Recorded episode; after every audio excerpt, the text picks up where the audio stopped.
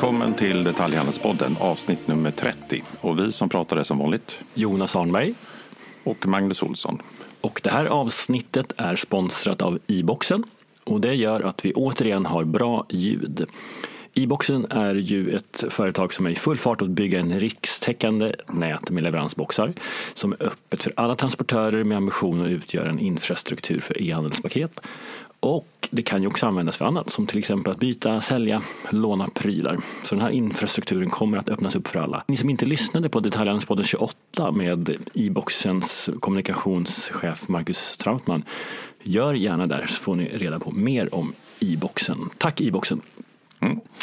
Och det är krig i Europa. Och när vi startade den här podden för snart två år sedan faktiskt så var det under pandemins första våg. Eh, vi startade egentligen för att diskutera konsekvenserna av pandemin för handeln och ekonomin och konsumtion. Det känns nu rätt länge sedan, eller hur Jonas? Det känns väldigt länge sedan.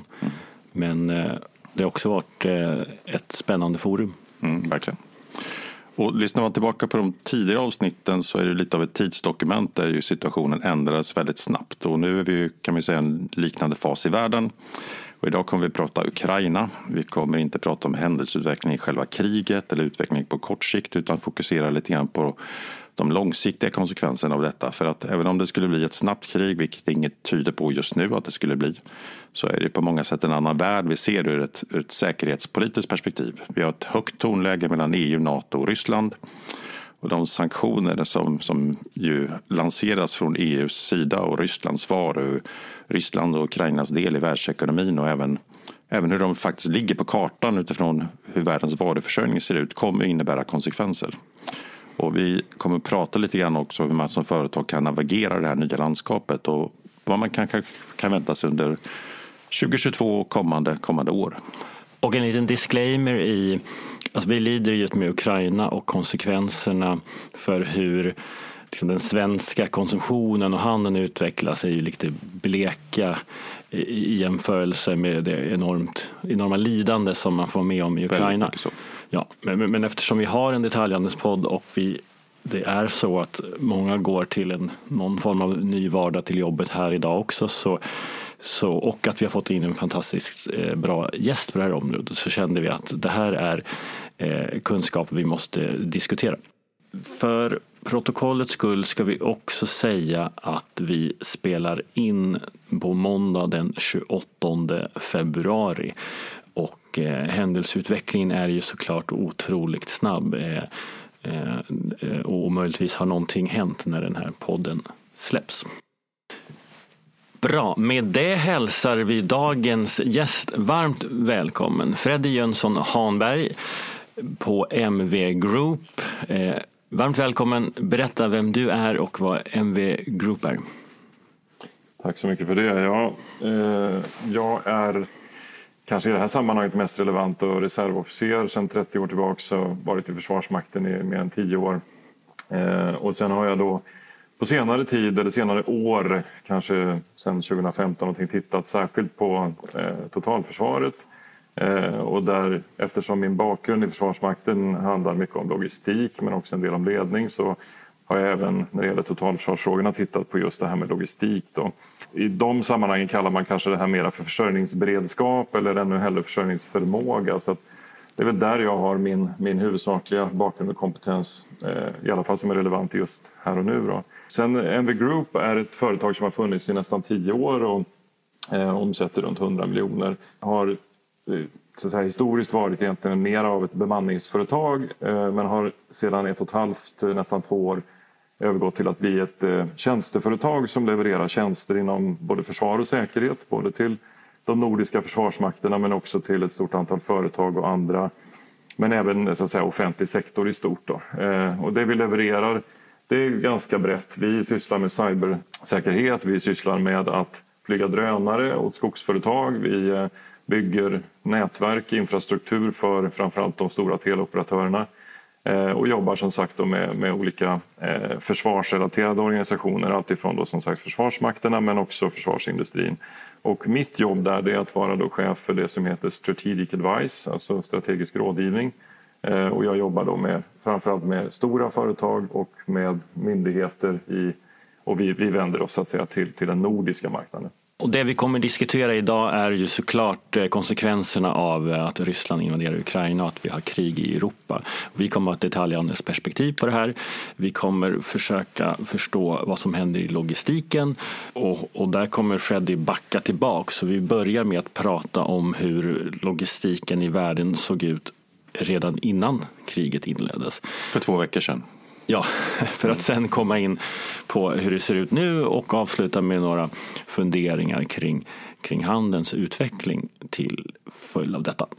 Berätta Freddy, eh, hur, hur såg det ut för två veckor sedan? Ja, för, alltså för två veckor sedan är väl, då hade tror jag de flesta säga, professionella bedömare ganska klart för sig vart det var på väg. Sen var omfattningen kanske inte helt klar. Jag tror det var just omfattningen som var den stora överraskningen här. Men det som jag vill anföra här det är ju att när det gäller eh, försörjningskedjorna, ansträngda globala försörjningskedjor eh, det har ju varit ett faktum i flera år. Så att eh, det är väl kanske det som jag vill lyfta med in i den här diskussionen. Och, och förut, alltså pandemin är välkänd, pandemin påverkade den globala handeln i första hand i produktionsleden, alltså det sättet som Kina valde att hantera pandemin inledningsvis då för två år sedan eh, gjorde att man fick dra ner ganska kraftigt på, på produktionstakten i flera industrier.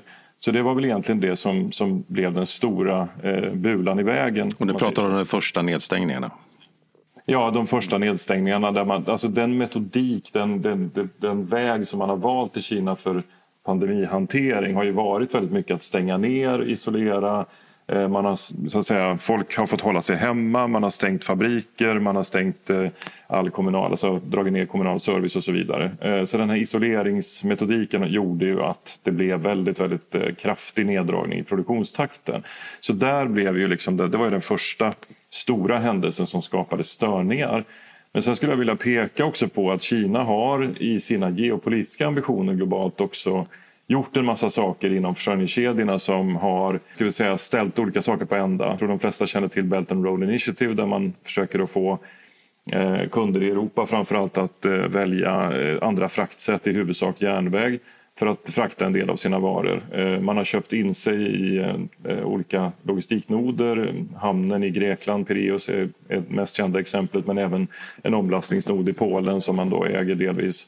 Och eh, hela det här, eh, den här eh, vi säga, attityden eller hållningen som Kina har inom just försörjningskedjorna har också skapat en viss oreda.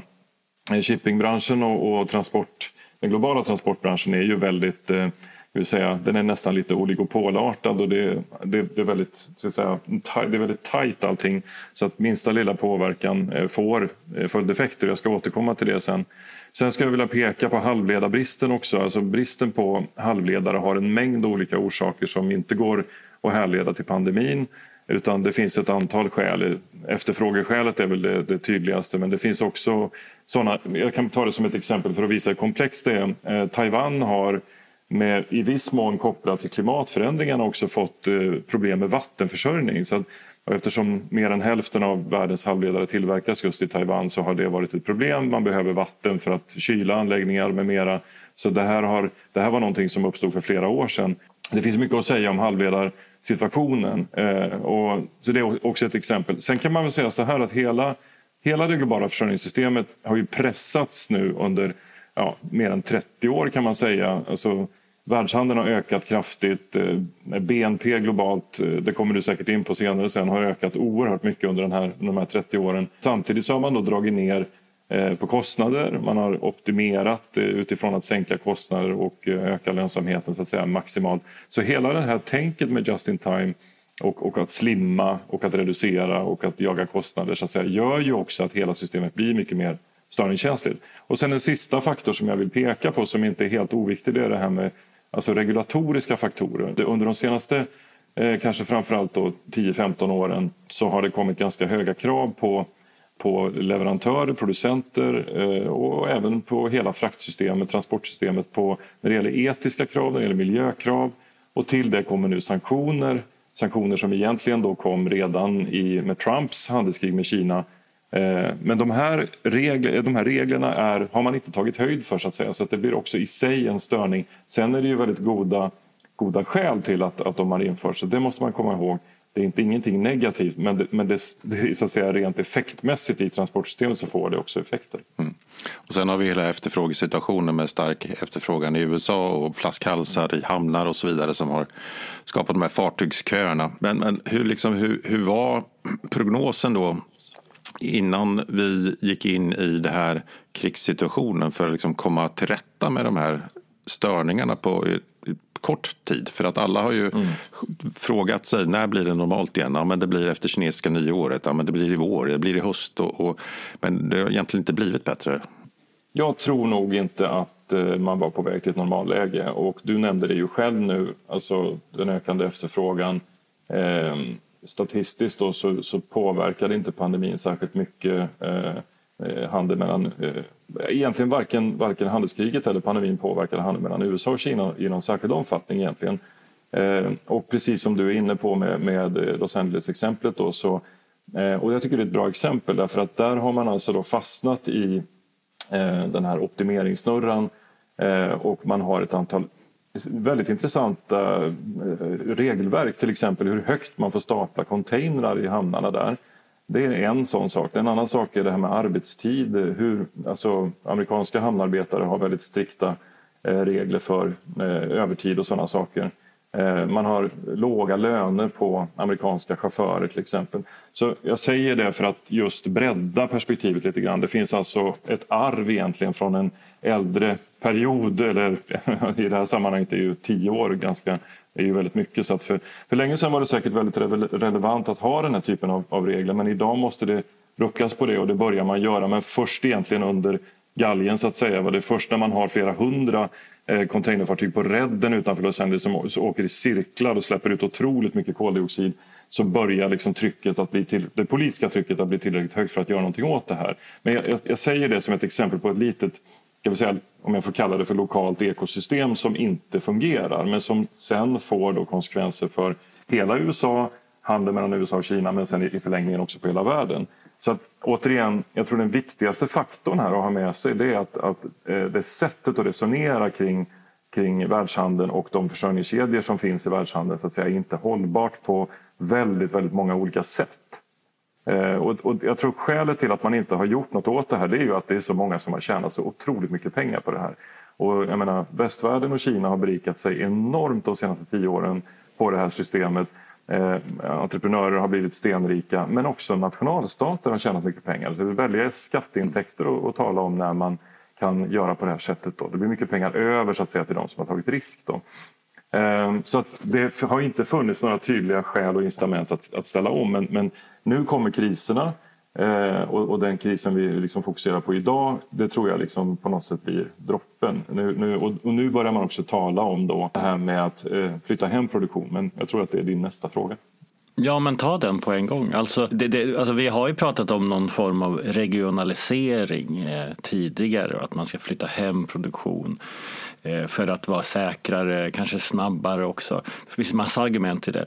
Ja, inte minst värderingsmässigt tänker jag. Kina ja, men... är ju inte liksom Guds bästa barn om man uttrycker det så. Nej, men både det rent logiskt och sen värderingsmässigt också en fråga på det Eh, efter den här situationen nu kan det känslo och värderingsstyrda betyda ännu mer i att företag faktiskt säger att Nej, men nu, nu gör vi det här.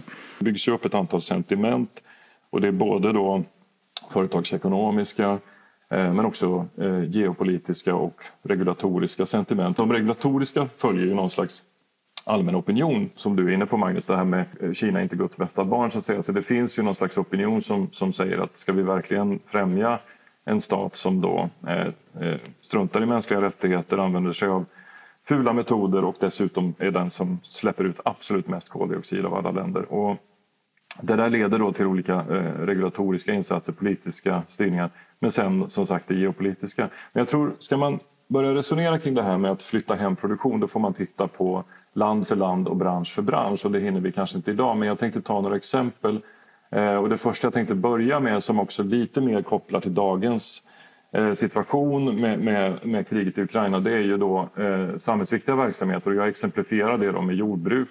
Eh, och det svenska jordbruket. Då. Och jag, jag, för mig är det liksom av yttersta vikt att vi, vi minskar riskexponeringen mot de globala försörjningskedjorna men också ökar teknikutveckling och innovation.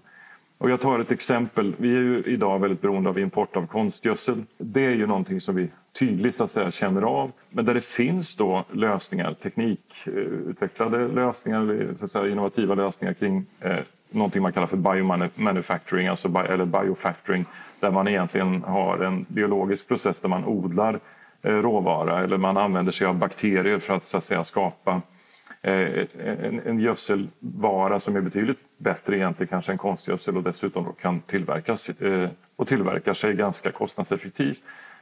Och, därmed skulle vi kunna minska beroendet av då importerad konstgödsel. Vi behöver också minska exponeringen mot diesel då i jordbruket. Och då kommer vi liksom in på det här med innovation och omställning. Och det här kommer inte marknaden att klara av själv utan här behöver man nog satsa stort på triple helix Eh, staten får gärna vara en facilitator. Vi är väldigt duktiga på det här i Sverige. Vi har innovationssystem så att säga, i världsklass. Eh, så det här, är, och det här är på gång. Staten finansierar redan idag en del av de här eh, nyss nämnda projekten. Då. Så här behöver vi verkligen tänka till. Eh, och på andra sidan den skalan så finns det här med dataförsörjning och elektronik. Då. Och den branschen fungerar naturligtvis inte alls nationellt. Det är, 40 år sedan vi var självförsörjande där. Man får komma tillbaka, jag vet inte om ni minns de här Luxors ABC80-datorer. Liksom. Det är Motala. Ja, ja, precis. Fina grejer. Ja. Eh, det gick väl sådär och det beror ju naturligtvis på att den där branschen då inte fungerar eh, på det sättet. Utan, och, och dessutom med Moores lag och den här exponentiella tillväxttakten och så vidare. Och så, jag, jag, tycker inte att det finns något skäl att ens sträva efter det men man måste tänka till då det är ett helt annat ämne och en helt annan podd, men just kring det här med dataförsörjning. Jag kan bara kort nämna just hur det här med dataförsörjning påverkas. Det finns ett fåtal stora molnplattformar idag som i huvudsak är amerikanska och kinesiska. Och EU har inte hängt med där. Vi behöver ha någon form av europeisk lösning för dataförsörjning. Man måste ha tillgång till stora datamängder idag för att kunna konkurrera globalt. Så det är bara så. Och där måste vi då ordna till så att säga regulatoriskt. När det gäller elektronik då, så jag har varit inne på halvledare redan. Eh, Eh, elektroniken måste vara global. Det finns liksom inget annat sätt att göra det på. Det man kan göra om vi tittar på bilbranschen då, det är att man kan, eh, för bilbranschen är ju eh, väldigt penningstinn så att säga och de har möjligheter att finansiera stora utvecklingsprojekt, vilket man också gör nu. Så att nu kommer man att kunna försörja bilbranschen, framförallt Tyskland då, med, med den halvledarteknik som krävs för det. Och det är, det är lite grövre halvledarteknik än den som är i smartphones och så vidare, så att det är inte riktigt samma, samma krav. Så det, det, är fullt möjligt att göra det inom en rimlig tid. Då.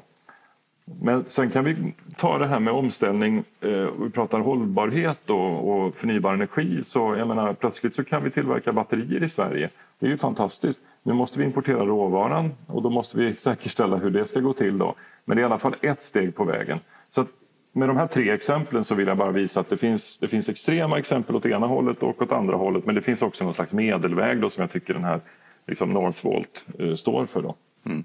Sen som sagt så, så ehm, um, beroendet av råmaterial till batterier är också väldigt talande och apropå regulatoriska liksom, eh, eh perspektiv på det med, med förutsättningar för gruvbrytning i Sverige och så vidare. Det, det, det, är, det är mycket som ska till där ändå. Tack för den eh, sammanfattningen av mm, hur, hur logistiken såg ut innan vi gick in i den här fasen av historien.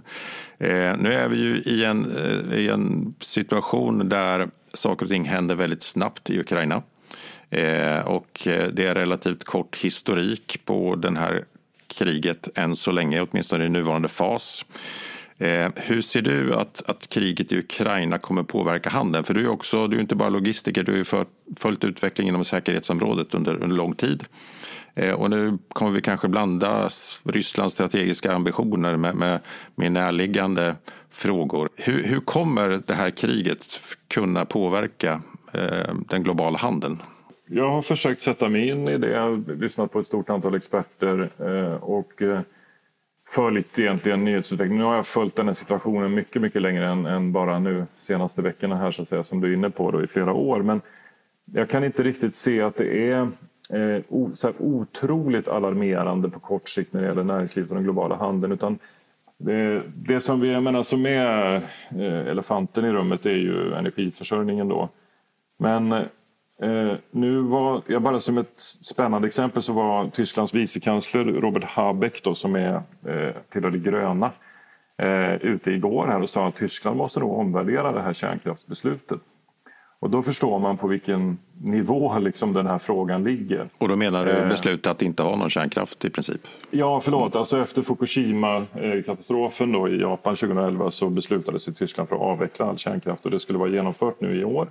Eh, och, och den tyskar är bra på att hålla sina planer så att det var verkligen eh, så att det skulle vara så. De har stängt ner de flesta. Det var något enstaka kärnkraftverk som, som återstod att stänga ner. Men nu omvärderar man alltså det Eh, vilket är oerhört intressant. Eh, eh, och för, att säga, eh, för, för det är ju så att att använda gas eller energi, det är ju i första hand gasen till Europa som Ryssland har använt som en geopolitisk så att säga, faktor eller påtryckningsfaktor. Eh, Eh, och eh, det är ju någonting som har pågått ganska länge. Man har flaggat för det här från olika håll och varnat för och så. Det är väl Tyskland egentligen som har varit envisast då att ända in i det sista liksom inte vilja eh, acceptera det riktigt. Då. Man har tagit en del kostnader naturligtvis då i Nord Stream till exempel, de här, den här pipelinen som går öst, genom Östersjön. Då. Och man har satsat väldigt mycket opinionsmässigt på att bli oberoende av kärnkraft och att göra en väldigt hyfsat i alla fall snabb omställning till grön eller förnybar energi. Så det här var ju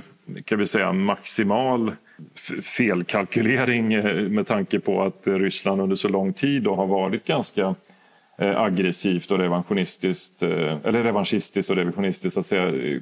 Och med det sagt och egentligen varit tydliga med vad de vill och att de vill, vill säga, rent ja, med eh, hårda maktmedel så att säga säkerställa sin intressesfär då, som det brukar heta. Så att man kan ju fundera lite på det där men, men ofta blir det så att man man väntar på en, en sån här eh, eh oerhört tydlig situation med att ta den typen av beslut. Det handlar ju trots allt om politiker och det handlar om opinion. Men, men ja, det, det, det kanske hörs mellan raderna att jag tycker att det är ganska dåligt skött. En annan ironisk sak är ju att eh, Frankrike har gått åt andra hållet så att de bygger fler kärnkraftverk och har gjort ganska länge och de kärnkraftverken ligger vid gränsen till Tyskland. Så att det blir extra korkat om man säger så. Men energin, omställningen kommer gå snabbt, snabbare nu. Eh, dels eh, kommer man kanske omvärdera då kärnkraften. Man kommer att speeda upp eh, omställningen till gröna och förnybara energikällor.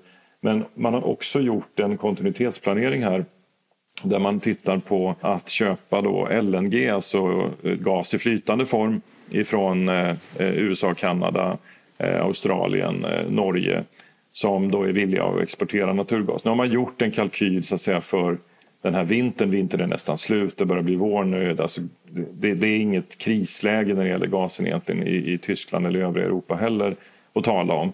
Eh, nu, och dessutom är kranarna fortfarande öppna ska man komma ihåg. Skulle de stängas helt så har man gjort kontinuitetsplanering för det också. Det kommer naturligtvis bli lite jobbigare, inte minst i eh, Europas sydöstra hörn. Eh, men, det, men jag är övertygad om att man kommer hitta lösningar på det på ett eller annat sätt. Och de kommer naturligtvis bli väldigt oortodoxa och inte alls eh, idealiska men man kommer att lösa det. Mm. Men du, du, nämnde mm, att det inte var någon akut fara vad gäller de, de globala försörjningskedjorna. Och, och Sjöfrakten tar ju andra vägar. Samtidigt så har vi eh, Turkiet stänger på spåren. Eh, det är Svarta havet är eh, minst sagt oroligt. Och jag vet, du Jonas har också pratat med några omkring eh, stora fraktbolag. Jag pratade med en global aktör som sa att eh, precis som du var inne på Fred, att det finns ju liksom ingen slack i systemet och att rent teoretiskt skulle man ju kunna byta från det det, går ju, det kan du, du nog bättre än mig Fredde, men det går någon form av huvudtåglinje från Kina till Polen i stort sett, där, där mycket frakt går. Och att, ja, stänger man av den så är alternativet båt eller flyg. Och, och, och rent teoretiskt kan du ju byta från tåg till flyg. Det skulle betyda att gå från eh, någonting som tog tio dagar till att istället ta åtta veckor. Eh, men det är ju inte så att de här båtarna står med ledig kapacitet. Eh, och den här personen jag pratar med menar väl egentligen att ger det två veckor av problem så har man liksom, det räcker för att det ska bli ganska långtgående eh, konsekvenser för liksom hela globala logistiken. Så är det ju och eh, det leder ju sen i sin tur då till eh, eh att eh, priserna går upp för att utbudet minskar. Så att det, det kan man ju räkna ut väldigt enkelt att de som kommer att drabbas hårdast av det är de fattigaste länderna som vanligt. Så att eh, det, det, du beskriver påverkar i första hand skulle säga, östra, östra delarna av Europa och kanske framförallt de länder som inte är med i EU. EU har ju också mekanismer för att kunna omfördela inom EU.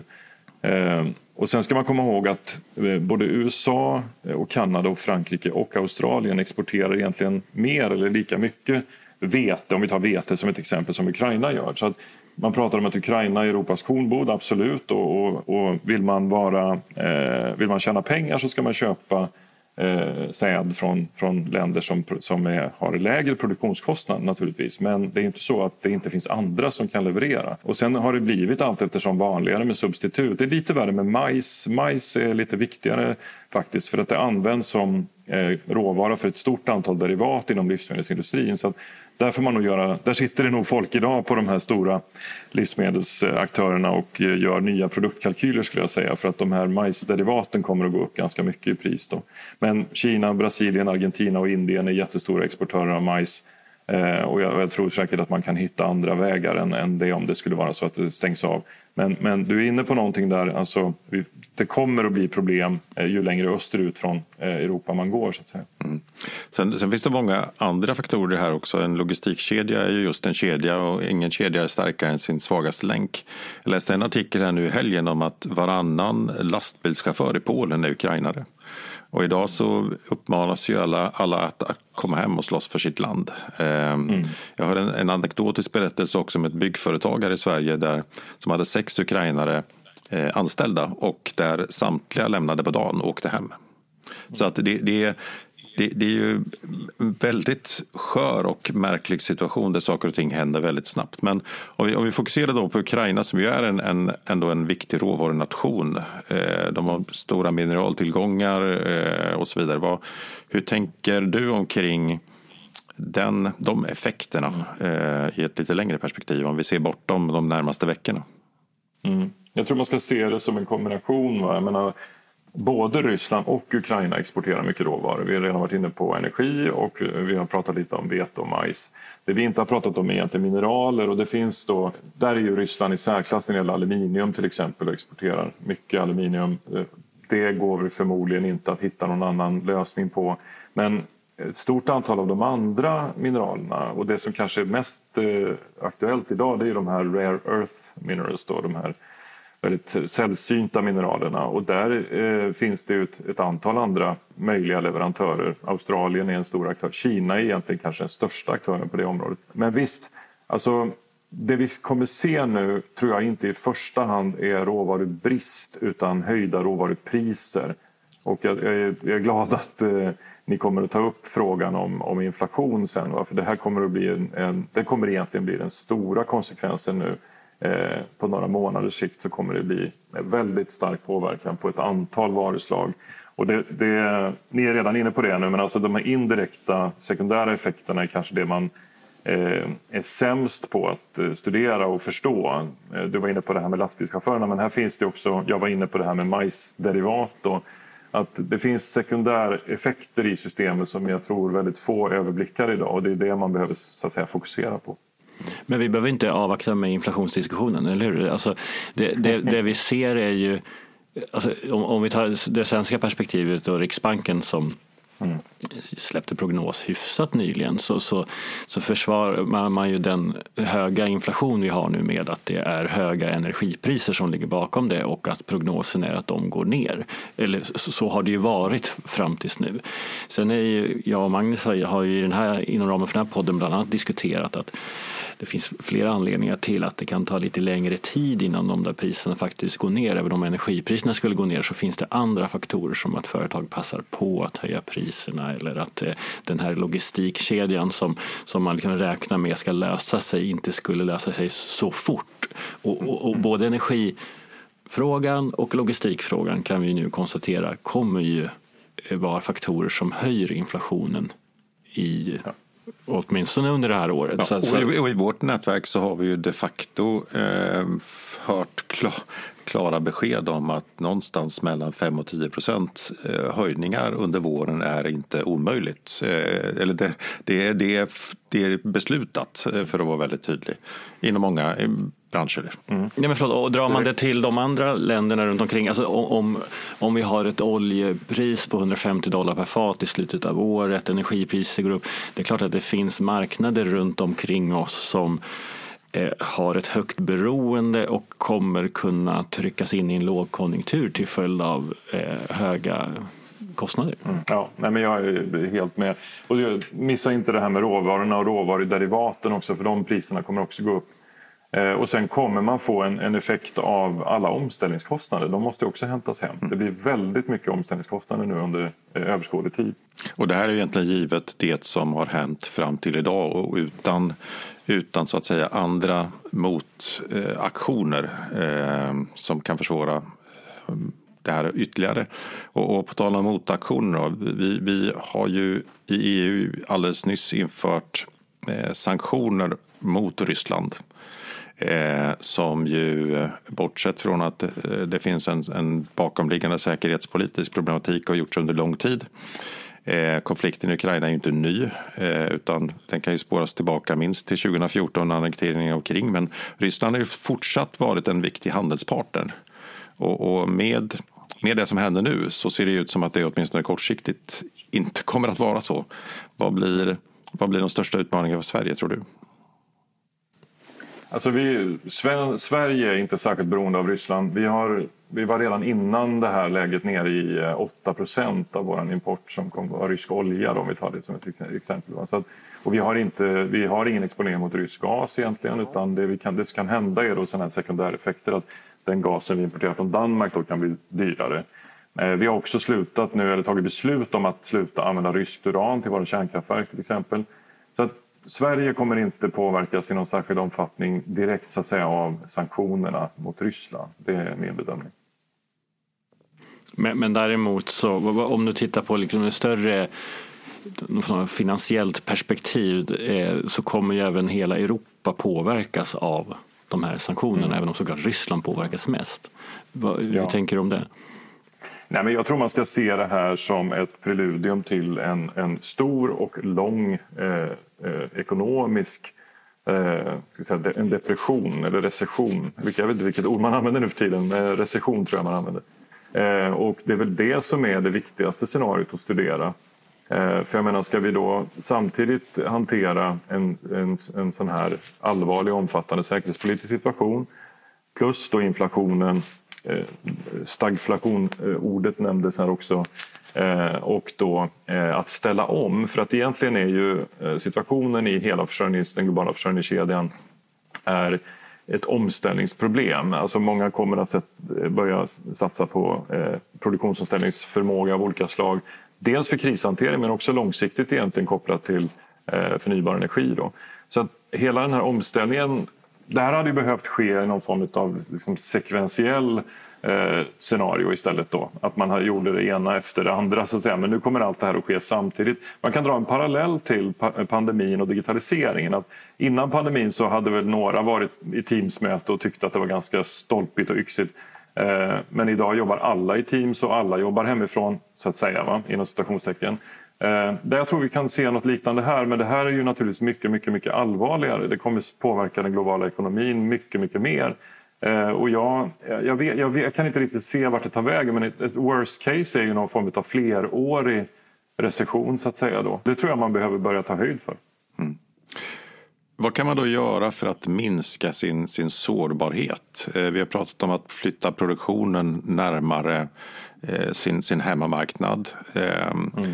Men det finns ju också en, en risk för att eh, Ryssland gör någon form av, av motangrepp i form av ökade cyberattacker och så vidare. Vi har den sårbarheten. Vi såg Coop i somras eh, när deras, deras betalningssystem gick ner i samband med en hackerattack. Vad, vad, vad, är dina råd? Om vi börjar med logistikkedjorna eh, som är din, din, mm. din främsta hemmarena. Hur ska man tänka där? Ja, nummer ett är omvärldsbevakningen. Så man måste ta hjälp och, och för att eh, hålla koll och förstå sin omvärld. Och en, tidigare så tror jag man kan, det räckte med att ta in någon strategikonsult, så att säga, en generalist.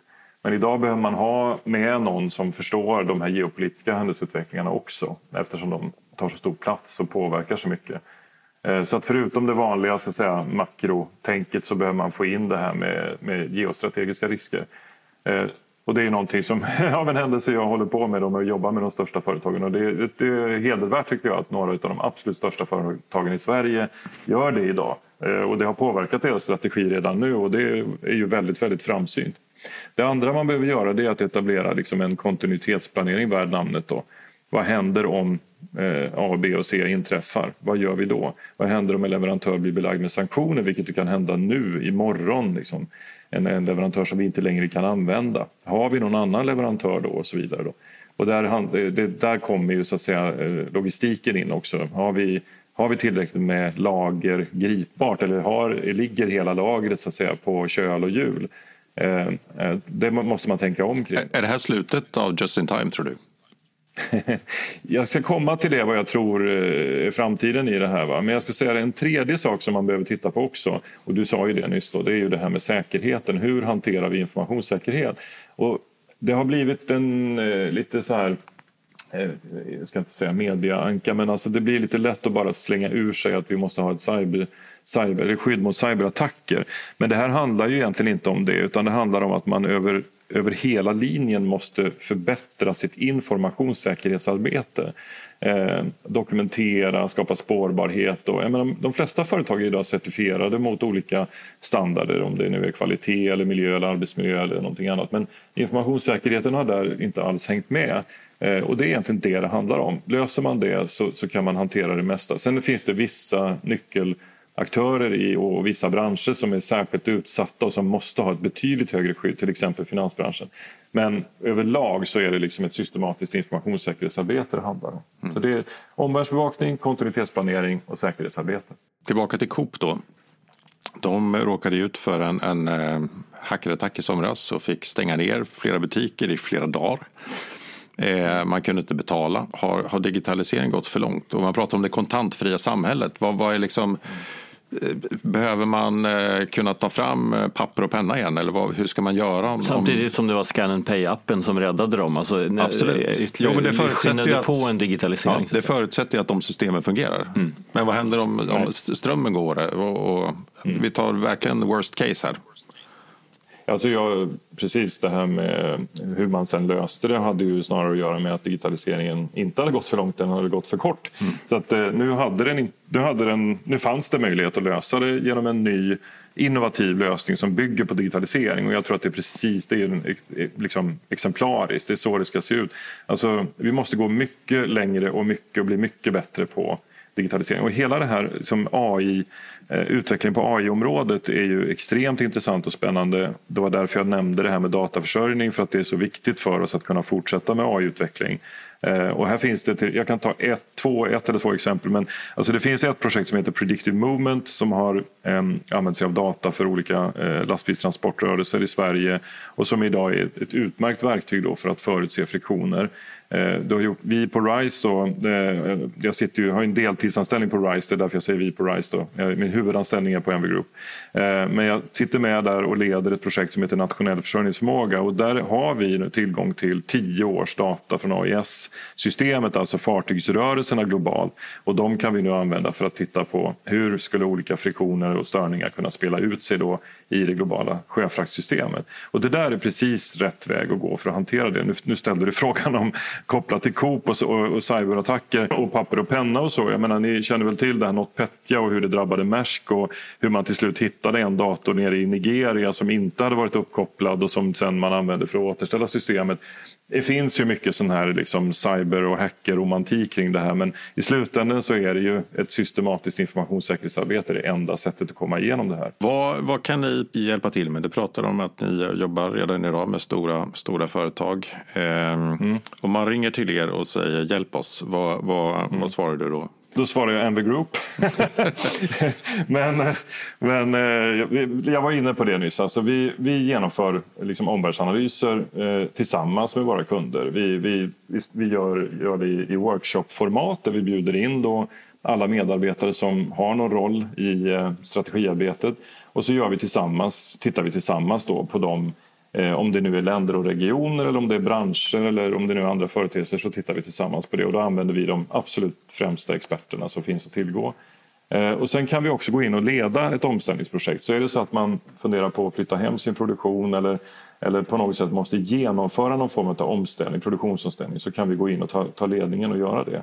Och sen så det här med kontinuitetsplanering och, eh, och säkerhetsarbete. Att, att jobba systematiskt eh, med kontinuitet och säkerhet, det, det har vi också en god expertis inom. Det låter som att eh, du kommer få ett och annat samtal nu Freddy. Om, vi, ja. om, vi av, om du avrundar och säger några sista ord i, om vad händer framåt i ett handelsperspektiv? Omöjlig fråga, mm. förlåt. Men, men eh, vad är din bild? Nej.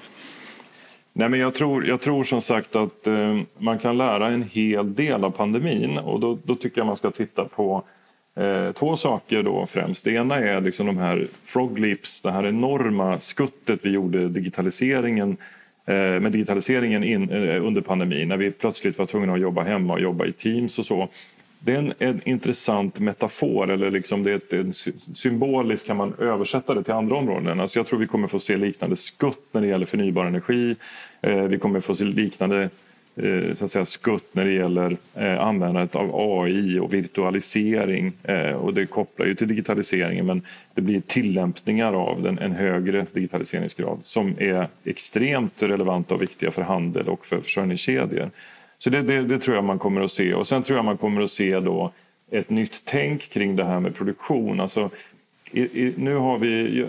RISE är med och driver ett projekt eh, med eh, eh MSB och och eh, fyra stora industriföretag, då, ABB, Volvo, Saab och Mölnlycke. De här eh, aktörerna tittar nu på erfarenheter från pandemin. Man tittar tillsammans med Region Stockholm på hur, vad var det för erfarenheter man gjorde i att snabbt kunna ställa om Exempelvis de med Mölnlycke som tillverkade eh, blöjor ena dagen och sen munskydd andra dagen. Och det här gick väldigt fort och, och RISE har då liksom systematiserat då, eh, den erfarenhetsinsamlingen där. Eh, och det är någonting vi kommer att se. Och då tänker jag så här att man, alltså, en drivkraft är krisen som sådan. Det kan vara kris, säkerhetspolitisk kris, kan vara pandemi, det kan vara någonting annat, det kan vara en ekonomisk kris. Men krisdrivet då så, att säga, så leder det till eh, att man å ena sidan kan eh, åtnjuta alla fördelar med den globala handeln. Eh, men när det inte går så har man en, en, så att säga, en, ett alternativ i form av produktionsomställning och det där tror jag man kommer att ta mycket, mycket, mycket längre nu. Eh, vi har ett svenskt världsledande företag som heter Amexi som ligger i Karlskoga som eh, är oerhört framgångsrikt när det gäller 3D-printing och additiv produktion eh, additiv tillverkning. Så att det här är ju någonting som kommer mer och mer. Additiv tillverkning kommer in på alla områden nu. Och då har vi ju dels eh, genererat så att säga en, en slags en variant på nearshoring. Vi har flyttat hem produktion men vi har gjort det så att säga i vissa situationer. Sen är det ju ekonomin som styr vad som blir långsiktigt hållbart då. Men det här tror jag vi kommer att se en hel del av. En hel del omställning och liksom en, en, en, en hög grad av eh, ett stort antal sådana här, liksom, jag kallar det för frog leaps, liksom en väldigt snabba händelseutvecklingar och omställningsutvecklingar en eh, optimistisk eh, take på det får man säga. Det behöver vi då. Ja, det, ja. Det, ja, nej, jag tycker inte det finns anledning att se det på något annat sätt. Det måste bli bättre. Ja. Fred Jönsson Hanberg på MB Group. Tack så hemskt mycket att du var med och spred och bjöd på din kunskap eh, till Detaljhandelspoddens gäster. Tack ska du ha. Tack för att jag fick vara med. Tack.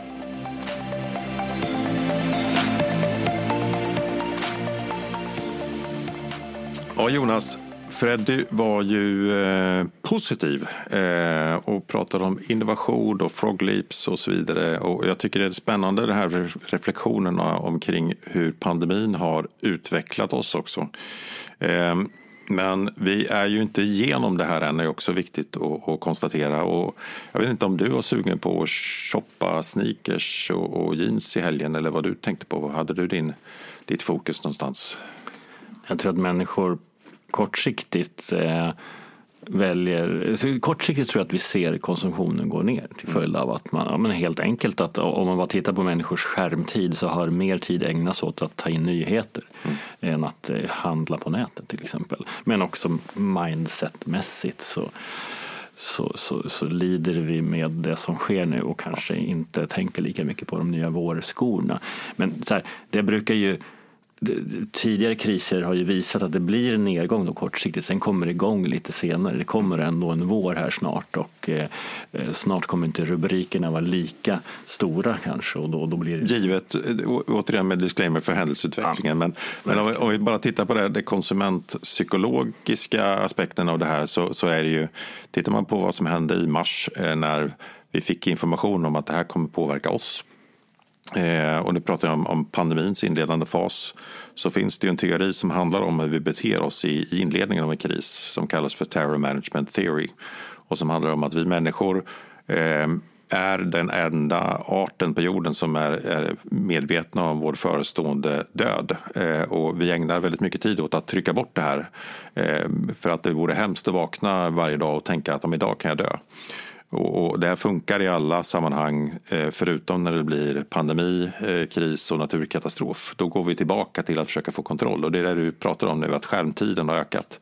Och vi försöker liksom få bild av vad, vad, vad händer nu, vad händer egentligen? Och då drar vi ner på konsumtion av det som inte är nödvändigt. Och det, det kan man väl förvänta sig att givet att det här att det här blir någonting som förblir i Ukraina, eh, ja, men då kommer det med sannolikhet att, att liksom vända tillbaka. Eh, ja, och sen har man det som är mer på ännu längre sikt och som, som Fred är inne på att eh, det här kan vara startskottet på en lågkonjunktur egentligen. Mm. Vi, kom ju vi gick in i corona på väg in i en lågkonjunktur. Mm. Sen kom vi ur och då var det plötsligt högkonjunktur. Ja. Eldats på som attan från, och efterfrågan var upp.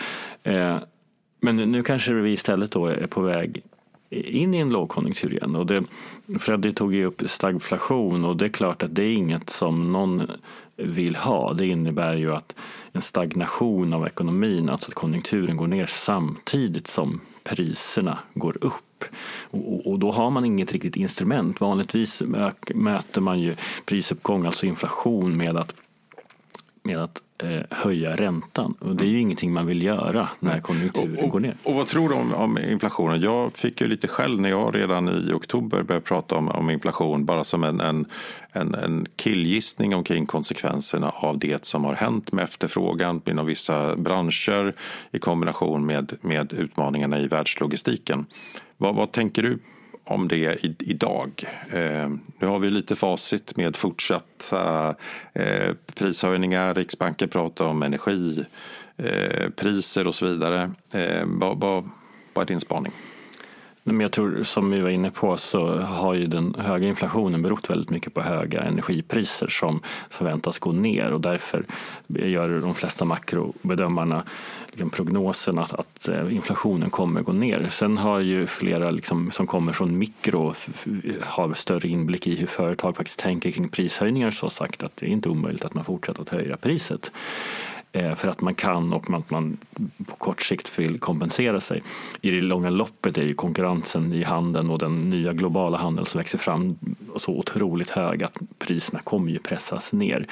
Men utan tvekan är det nog så att den eh, pris, liksom nedgång som Riksbanken räknar med i priserna det kommer ju ske, men inte nu det här året. Nej. Det kommer skjutas fram. Ja.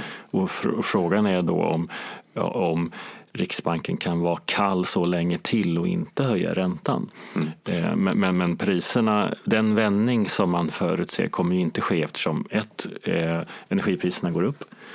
Två, logistiken. Alltså halvledarbrist till fraktkaos och så vidare. Det som har gjort att priserna har gått upp. Eh, det, vi ser ju ingen lösning på det nu. Och, och, nu lär vi oss ytterligare nya ord. Hela tiden stagflation är det nya eh, som vi tar upp idag här. Det är sånt man inte får det, det, är nästan förbjudet att prata om i vanliga fall. Då är man en, en konspirationsteoretiker. Eh, är du en konspirationsteoretiker? Jag är en, en, en naiv prognosmakare som tror eh, på att det kommer lösa sig. Men jag tror att eh, jag tror att Riksbanken kan vara ganska kall eh, ett tag till mm. och, och, och, motivera med att det är ändå eh, exceptionella händelser och att man, man kommer ju dra sig in i det längsta att börja höja räntan för tidigt. Mm. Men nu går det samtidigt snabbt och saker och ting händer dag för dag. Eh, vi har ännu inte sett svaren på EUs sanktioner mot Ryssland. Ehm, så att vi, vi är väldigt tidigt inne i den här fasen och den, den största lärdomen av det som, som jag tar med mig från, från Freddy det är väl det här att, att fortsätta med innovation, fortsätta med att investera i omställning. Eh, ta det här på allvar. Eh, det kommer inte att lösa sig liksom, per automatik. Vi kommer inte gå tillbaka till någonting utan ytterligare ett antal frog leap framåt.